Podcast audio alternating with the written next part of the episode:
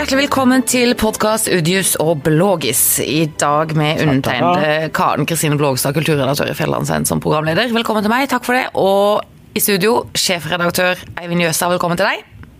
Takk for det, du. Og så har vi eh, Vidar Udjus, utskremt medarbeider. Eh, langt inn i, eller ikke så veldig langt inn i, selveste EU i København. Fordi du har vært, Vidar, på et eh, møte om utenriksdekning i Skipsstedavisen. Er ikke det eh, nokså riktig? Det er rett og slett direkte fra kongens by. Ja. ja. Vi var mer opptatt av hva du gjør der, Vidar. ja, egentlig det. Ja. Ikke sant? Du, vi, vi har jo utenriksdekningssamarbeid sammen med eh, Stavanger Aftenblad og Bergens Tidende og Adressa, og som den også mange leser har merka seg, også med den danske avisen Politikken, som har et nett av korrespondenter over hele verden. Så vi har vært nede her nå for å se hva som er på gang utover i året. og Store satsinger og spennende saker som, som kommer utover året. og Det er egentlig litt av et år vi står foran. Fortell hva det går i. Hva har dere snakket om? Hva er liksom highlight framover nå? Hva er det som er mest spennende i, i verden? Hva er det viktigste som skjer i verden akkurat nå, Vidar? Det kan du Litt, litt kort og Det er. London. Ja. Ja, ja, ja. Dette er London. Nei, det er jo altså, eh, ja, det er jo brexit som, eh, som er og blir det store i ukene framover. Og disse utenrikspolitiske ekspertene her i, i politikken de mener sannsynligheten er stor for at uh, uttredenen av EU blir forsinka fordi at Storbritannia ikke tør å gå ut uten en, en avtale, sånn at det kan bli et par måneder forsinka. Eh, Det, det er stort eh, i all utvikling i USA med Trump og de demokratiske presidentkandidatene som, som melder seg på løpende bånd. Blir stort. Eh, I Danmark er det også stort med valget til Europaparlamentet. Hvor stort blir de høyrepopulistiske partiene i Europa? Og når vi kommer til høsten, så er det rett og slett 70-årsjubileum for den kinesiske revolusjonen. Eh, Og hvor går Kina? Blir det et, eh, et digitalt diktatur i det hele tatt? Enormt mange spennende saker. Ja, Det hørtes sånn ut. Du, Jeg må bare spørre litt om brexit. Altså, De mener det blir eh, forsinkelse der. Hvordan eh, Det er ingen sjanse for nytt valg, tenker de, eller?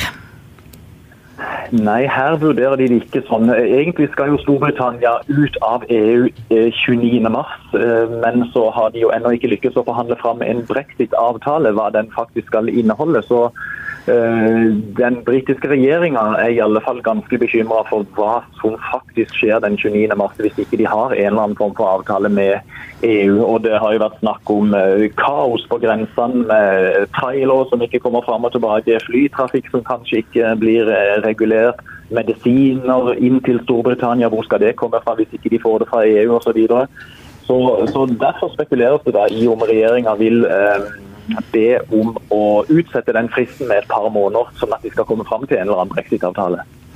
Ja, det må jo nesten det, for det er jo utrolig kort eh, tid til, eh, Eivind. Ja, person, jeg må, Er det lov å si at vi er litt lei av det her brexit-forhandlingene?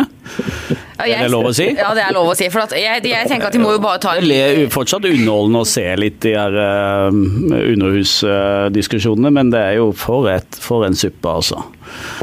Eh, men dere, det er et, eh, et annet jubileum i, eh, ble jeg minnet på i går. At et annet jubileum dette året. Et 30-årsjubileum til høsten. Det er ikke nødvendigvis så hyggelig å si til dere, for det er en påminnelse om hvor gamle dere er. For det skjedde noe i november eh, 1989 som eh, var ganske eh, Ja.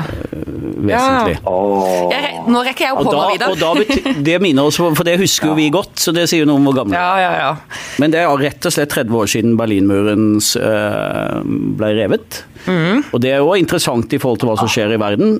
Hvilken enorm positiv effekt det hadde på alt som handler om samarbeid, utvikling, eh, næringsliv alt, og demokrati. Mm. Dialog og ja, da. og da, hvordan det står til da, når man skal feire det 30-årsjubileet, eh, det er interessant å reflektere over, tenker jeg da. Mhm. For da Og det er jo, eh, og vår egen del av verden, Vesten, er jo eh, egentlig i et salig kaos. Hvor du har i, i USA har du en president som er i åpen krig med opposisjonen og, og som ligger dårlig an. I Storbritannia har du jo det eh, brexit-kaoset. I Frankrike de gule vestene, i Tyskland en samlingsregjering som er dypt upopulær. så det er jo, ja, Og når stormaktene Frankrike og Italia ikke tåler trynet på hverandre, det er liksom Nei. Det er ikke noe bra. Det er, nei, de, de har, de, der ringer, der ringer de, ja. I, danske aviser har jo et sånt sett ofte mer fargerikt språk, og i dagens utgave av Politikken så er det da en korrespondent i enten det er London eller Brussel som har eh, en sak om status i brexit-striden eh, med følgende overskrift. Eh, brexit et helvetes rabalder. Ja. det er vel Du blir litt misunnelig på den tittelen, Vidar? Ja, det, Vi hadde vel med å hatt uh, brexit. Det går ikke så greit. Ja, det går ikke så greit. du, vi må over til uh, Vi må innaskjærs igjen. Uh, nok om verden og nok om EU, nok om brexit. Vi har jo litt å styre med i det politiske landskapet her hjemme i Norge også, og regjeringen har jo gjort en solid bunnmåling som kom i begynnelsen av denne uka. Og det virker som de sliter nå, Vidar og Eivind, i alle partier i regjeringen. Og eh, hvorfor gjør de det? Det er vel ulike årsaker til. da. Det er jo uh, trøbbel og lugging på, i alle partier på ulikt vis. Men, Men hvis vi tar Høyre først? Ja, det er vel kanskje der det er minst sånn internt stridigheter og intern uh, støy, men, men, Erna Solberg uh, har jo til henne å være hatt en sånn oppsiktsvekkende uh, slurvete kommentar. Veldig klossete kommentar. hun pleier å være stø på det, men så der er det jo litt sånn roing og rydding på det. Du tenker på formuleringen rundt Behring Breivik, at hvis vi ikke fikk bruke milliarder på å bygge opp regjeringskvartalet på den måten hun ønsket, så ville terroristen vinne. Ja, og det handler jo litt, altså det henger jo sammen med en, en, ganske viktig politisk diskusjon om man skal ta penger utover denne såkalte handlingsregelen og bruke mer penger enn det man egentlig har vedtatt at man skal. Og så er det snakk om å gjøre det for å både pga. fregatten som eh, ligger på havets bunn, og, eh, og, det nye regjeringskvartalet. Og I den forbindelse så kom da en sånn litt uheldig kommentar, som selvfølgelig har fått mye tyn for, og som hun nå har sagt at uh, kom feil ut. Ja, Det tok litt tid før det, eh, presiseringen kom, da. Og bakteppet her er jo også litt, da, for det ser jeg noe av kritikken har gått på, at hun var jo veldig Eh, treg eller seint på ballen når Sylvi Listhaug eh, hadde sin storm i vår, var det vel, hvor hun også eh, formulerte seg litt uheldig i forbindelse med Utøya osv. Eh, hvor alvorlig var den formuleringen der, syns du, Vidar? Generelt så syns jeg faktisk det er ganske rart at så flinke politikere ikke nok som en gang kan si at opp, jeg beklager, dette kom feil ut, det var ikke det jeg mente. Det, det, tror jeg en hadde stått seg på eh, litt oftere, også for å vise folk at en kan være litt ydmyk. Og så tror jeg folk flest har veldig forståelse for at en uttaler seg veldig mange ganger i løpet av en uke, i løpet av en dag ofte, og, og at av og til så, så, kan, så, kan, ting eh, komme ut feil. Så Det tror jeg en del hadde stått seg på. Når det gjelder Høyres tilbakegang mer generelt, så tror jeg også de er rammet av regjeringsslitasje og alt det bråket som har vært internt på borgerlig side opp mot utvidelsen av regjeringa. Det er sikkert en del Høyre-velgere som tenker at å himalaya, hva er dette for noe? Og så setter de seg kanskje litt på gjerdet. Og det er ganske interessant at For nokså nøyaktig to år siden så var vi på et, um, eller så var jeg sammen med noen andre kolleger på et seminar på Stortinget hvor en tallknuser fra byrået Poll og Polls, som da driver og gjennomanalyserer alle typer meningsmålinger, Eh, han var til stede og fortalte litt om situasjonen. og da For to år siden, altså et drøyt halvår før stortingsvalget, så var situasjonen ganske lik. Klart rød-grønt flertall på målingene. Men han sa at de borgerlige partiene ligger nå relativt lavt alle sammen, fordi at de har veldig mange velgere på gjerdet. Sannsynligvis når valgkampen kommer i gang, så vil de hoppe ned og styrke de fleste borgerlige partiene. Den gangen hadde han i høy grad rett. Eh, og det blir veldig spennende å se utviklinga her nå framover utover våren og sommeren og inn mot høsten på, på valget eh, igjen nå, selv om det da er kommunevalg.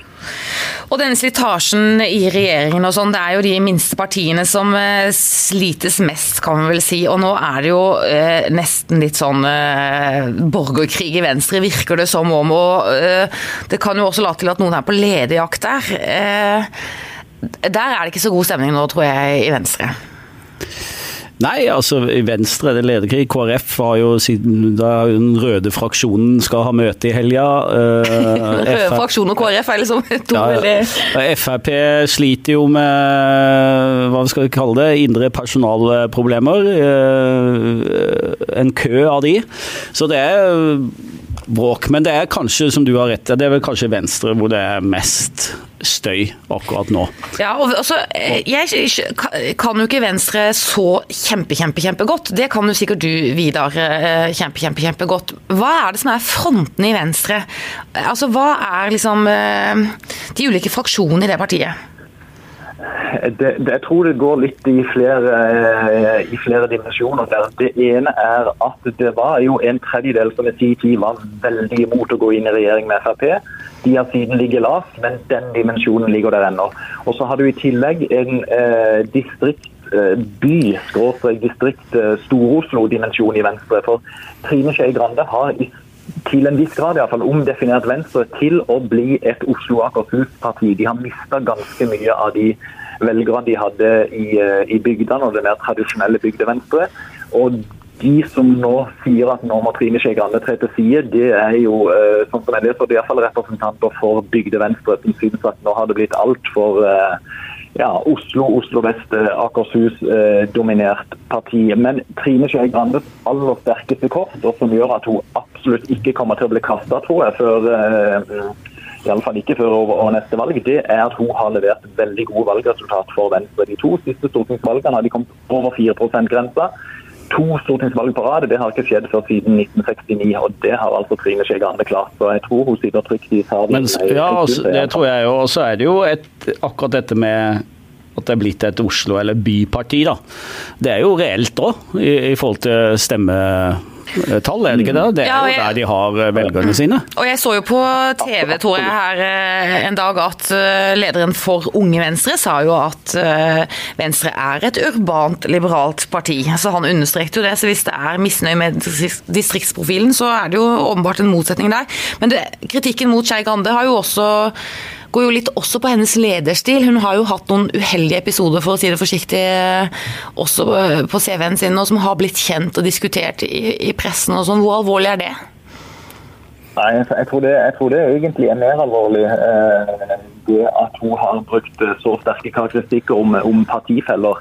Eh, det tror jeg nok bidrar til å svekke tilliten til henne internt. Men igjen, ikke nok ennå, tror jeg, til at hennes posisjon er i fare. men eh, det er jo en del av dynamikken i de fleste politiske partiene at når en leder har sittet en stund og realisert et stort prosjekt, i dette tilfellet å få de inn i en borgerlig regjering, som var omstridt, men har gjort det, så vil etter hvert en dynamikk òg melde seg om at sånn hm, hm, hm, Nå har hun klart dette her, her. hvem er vår nestleder, nå skal vedkommende slippe til osv. Og, så og han eh, Rotevatn, som er statssekretær i regjeringa, veldig flink ungkar som kan være en kommende leder på et eller annet tidspunkt i Venstre. Og så så jeg også Vidar og Eivind at det ble stilt spørsmål ved eh, altså, profilen til Venstre nå, at de ikke har fått nok klimaseire i eh, budsjettforhandlingene eller regjeringserklæringen osv. Og, og en kritiker sa at jeg kan ikke se forskjell på Høyre og Venstre lenger. Venstre er blitt et lille Høyre. Hva er forskjellen på Venstre og Høyre, Vidar? Ja, takk for det gode spørsmålet, Karen. Vær så god. Nei, men, det, men det, har jo, det, har jo, vært eh, på godt og vondt Venstres problem under Trine Skei Grande at de har blitt oppfatta som et, som et lyseblått eller grønt uh, Høyre. Men, uh, men, på den positive sida så har de jo fått velgere som ellers kunne tenkt seg å stemme Høyre, når det har nærmet seg valget. Og de har da kommet over sperregrenser, som har vært jo helt avgjørende for, for det partiets eksistens. Og de har i stor grad fått disse velgerne i Oslo og Akershus. Jeg mener jeg så en oversikt uh, som viste at ved sist stortingsvalg så tror jeg de hadde nesten halvparten av alle velgerne totalt sett kom i Oslo og Akershus. Så, så partiet har, eh, har endra seg veldig. Men vi kan ikke slå fast eh, hvordan de ligger an før valget ennå. Det skjønner jeg at er ditt hovedbudskap. For mye kan skje når vi nærmer oss eh, det. Men jeg traff en Det syns jeg var så bra sagt, jeg må sitere. Jeg traff en god kompis i går som følger godt med på norsk politikk, og som hadde et veldig bra perspektiv på denne regjeringen. Som han sa, det, det, er jo helt fascinerende at man har klart å samle de politiske ytterpunkter i alle viktige saker, egentlig, i, som vi er opptatt av i dette landet, i en felles regjering. Du, og så begynte han liksom Du kan ta punkt for punkt. Du kan ta liksom eh, eh, innvandringspolitikk. Så har du liksom du har ytterpunktene i regjeringen. Mm. Og så kan du ta selvfølgelig eh, abortsaken, og du kan ta klimasaken. ikke sant? Mm. Fra omtrent du har klimafornektere i den ene enden til mm. de som ikke sant? Og det er ganske godt sett, da. Fordi at Når du har samla alle disse fire partiene, så har du egentlig ytterpunktene i alle politiske spørsmål. I For det ja. Fordi disse nisjepartiene, eller små partiene sitter der, og det skal liksom Erna prøve å samle opp i en, eh, mm. en, uh, i en styringsdyktig regjering.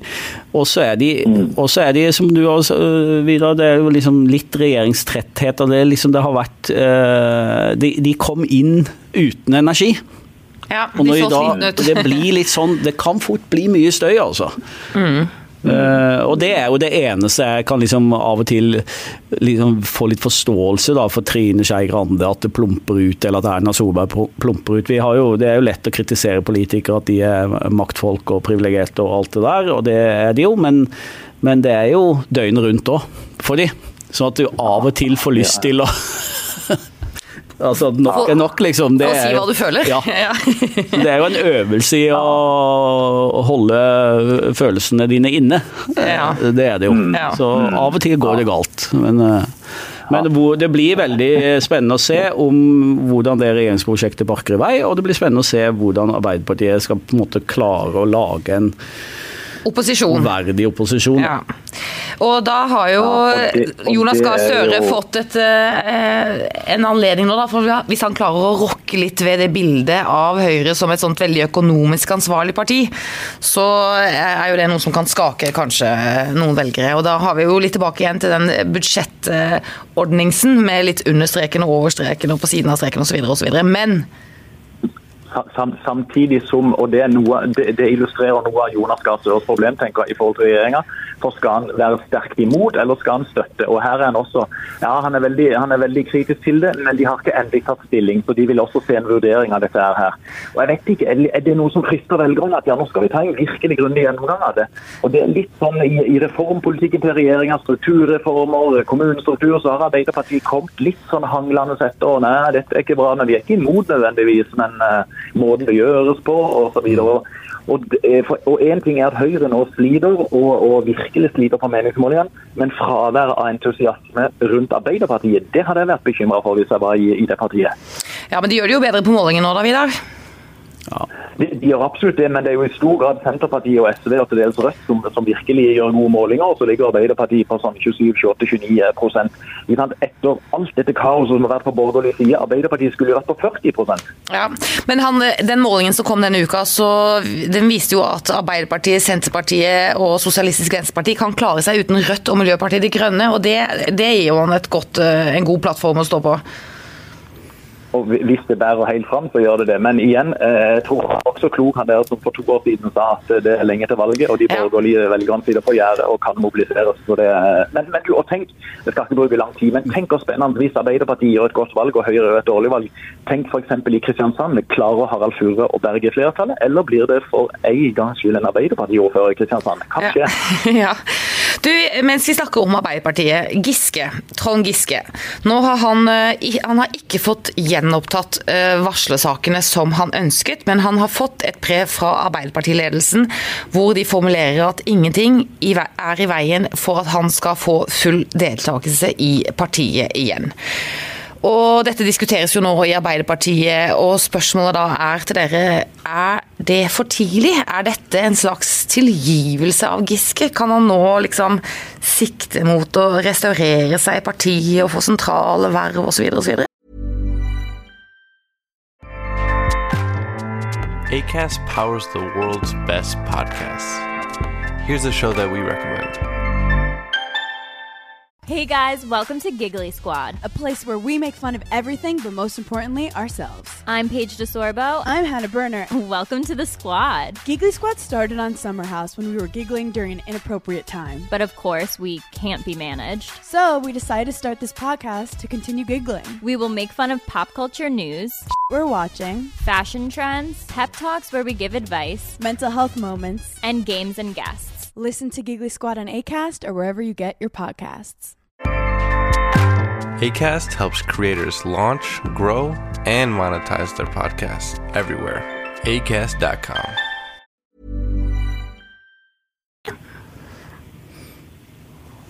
Hva tenker du, Karen? Jeg syns det er for tidlig. Fordi Nei, jeg tenker Hvis jeg var en av de jentene som hadde varslet om han eh, for egentlig ganske kort tid siden, så synes jeg kanskje at eh, at Arbeiderpartiledelsen eh, for lett eh, rister denne saken av seg og vil gå videre. Og, og de trenger jo sikkert De hadde jo sikkert trengt eh, Giske, som jo er en dreven politiker og en flink politiker. Trenger jo sikkert han inn mot valget, men jeg syns eh, det er litt for tidlig og litt sånn følsomt fortsatt, og at de tråkker litt på disse jentene som har vært utsatt for mange dårlige episoder, og liksom i sum litt sånn bristende tillit til en sentral og mektig Arbeiderpartimann. Hva syns du? Eivind Ja, det, ja ok. Eh, Vidar vil helst Vida vil ikke si noe om dette. Men nei, eh, det, mm, det er lett å være enig i mye av det, mye av det du sier der, Karin. Og så tenker jeg at jeg skjønner at Arbeiderpartiet hadde enormt behov for å sette punktum. Og liksom det som skjedde i går eller tidligere år, prøvde, prøve å, eller denne uka da, å sette et eller annet eh, Nå er vi ferdig.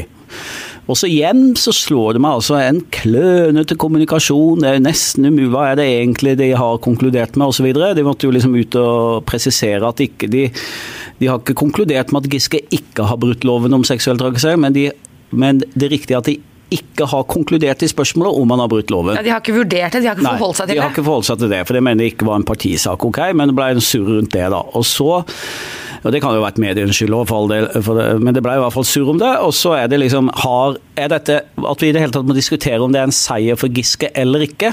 Det har vært sånn. Er dette Så det er igjen er det liksom uklar kommunikasjon. Og, eh, men jeg tror det, essensen i det er at det Støre og partisekretæren Stenseng har sagt, er at det nå ikke i dag er noe som til hinder for din fulle deltakelse i partiet.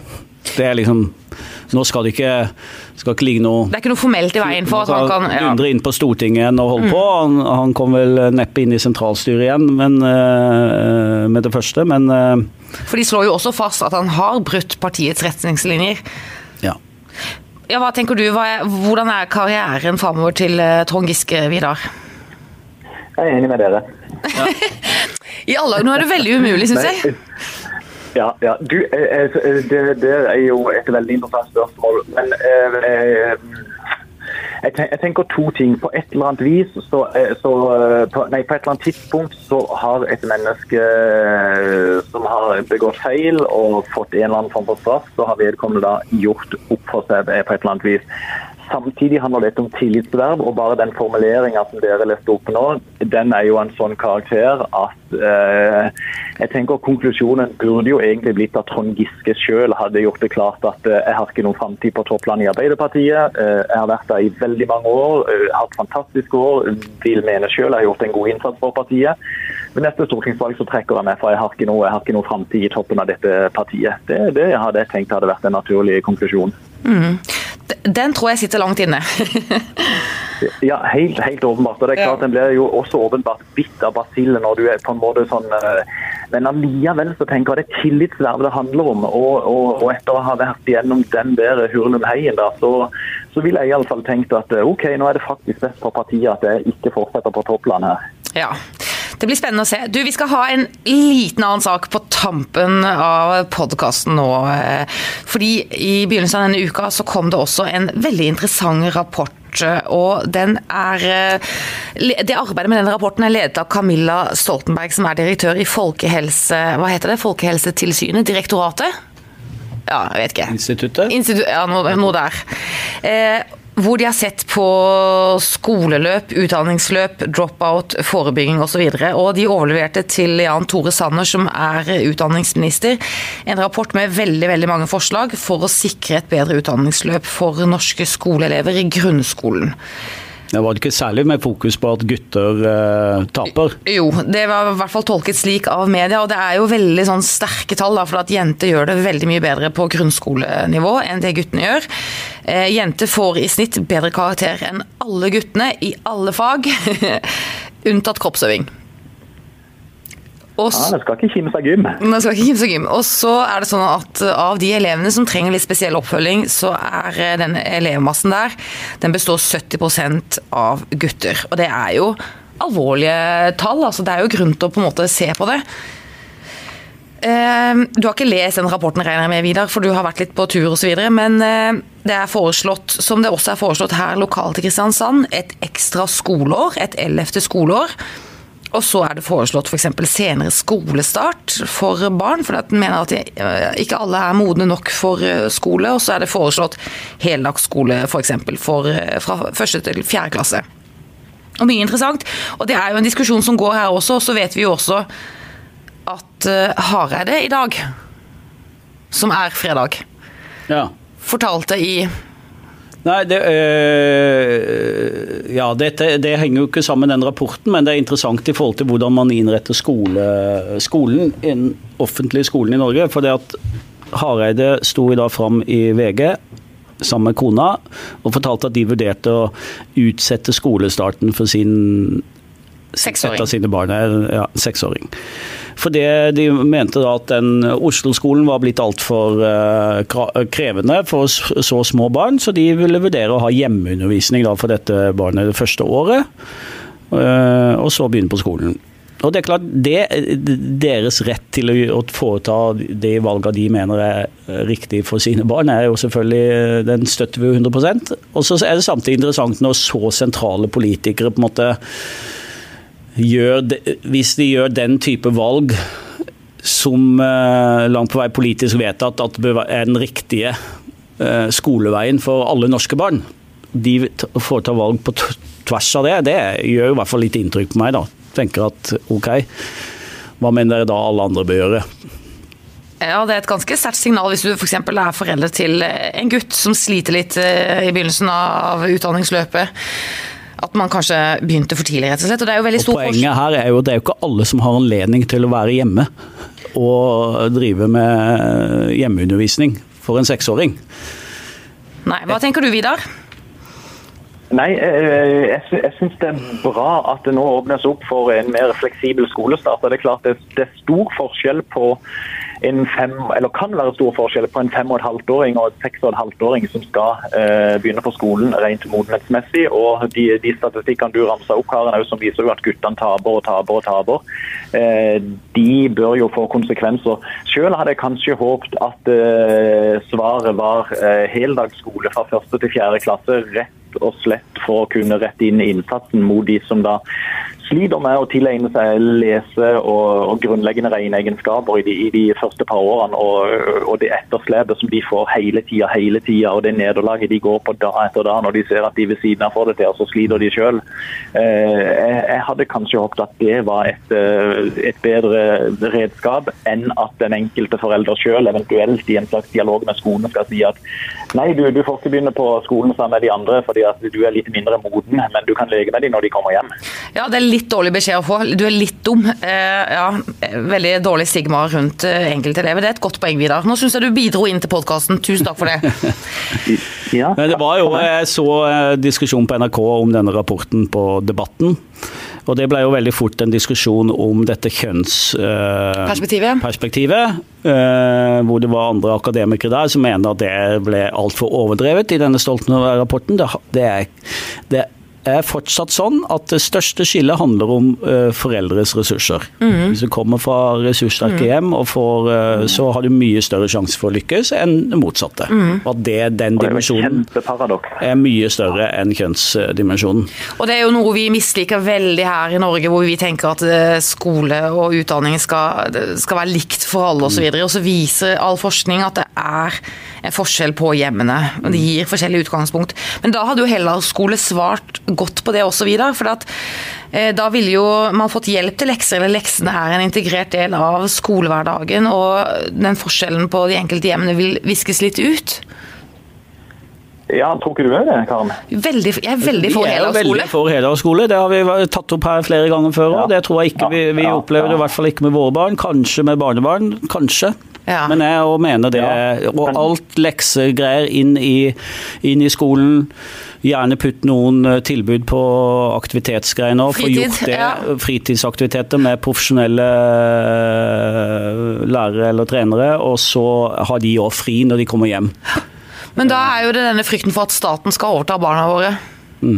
Ja da. det- Hvor går grensen? Ja, men, ja, men jeg, ja, jeg, jeg, syns egentlig den frykten er litt ubegrunnet. og Jeg skjønner KrF øh, andre på borgerlig side er jo, er jo veldig på den argumentasjonen. men Samtidig tenker jeg det å være på skolen en, en time eller to lenger hver dag, og hvor du da på en måte får i enda større grad da, øh, enn i dag får, får hjelp til dine grunnleggende behov for å komme inn i hakket, liksom, og for å beherske de videre teoretiske ferdighetene som det blir stilt krav om eh, opp igjennom. eh, Jeg, jeg kan ikke skjønne annet enn at det, det hadde vært bra. Men igjen, det vil, jo, det vil jo kreve penger, det vil kreve flere lærere. så Det må jo være en bevisst satsing, og ikke, og ikke at det blir en sånn ja, de kan være her et par timer til foreldrene kommer og henter de. Eh, Det måtte jo være ordentlig opplegg.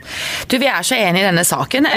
Vi, jeg tror vi må sende et brev og forlange å få sitte i et sånt utvalg i nær framtid. Skal vi gjøre det? Blågestad-utvalget. Ja. Ja, på skolepolitikk. Veldig bra. Vidar, da skal du få lov til å legge på røret og tutte deg ut til eh, Kastrup. Eh, Kan du kjøpe, Takk skal du ha. og så kan du kjøpe en liten gave på taxfree til meg og Eivind, syns jeg. Du kan gjøre. Eh, Og så kan du komme hjem og møte oss i Kristiansand om noen timer. Takk for at du var med. vi har nesten ikke alkoholfrie gaver, men jeg skal prøve. Vær litt kreativ nå. Overrask oss.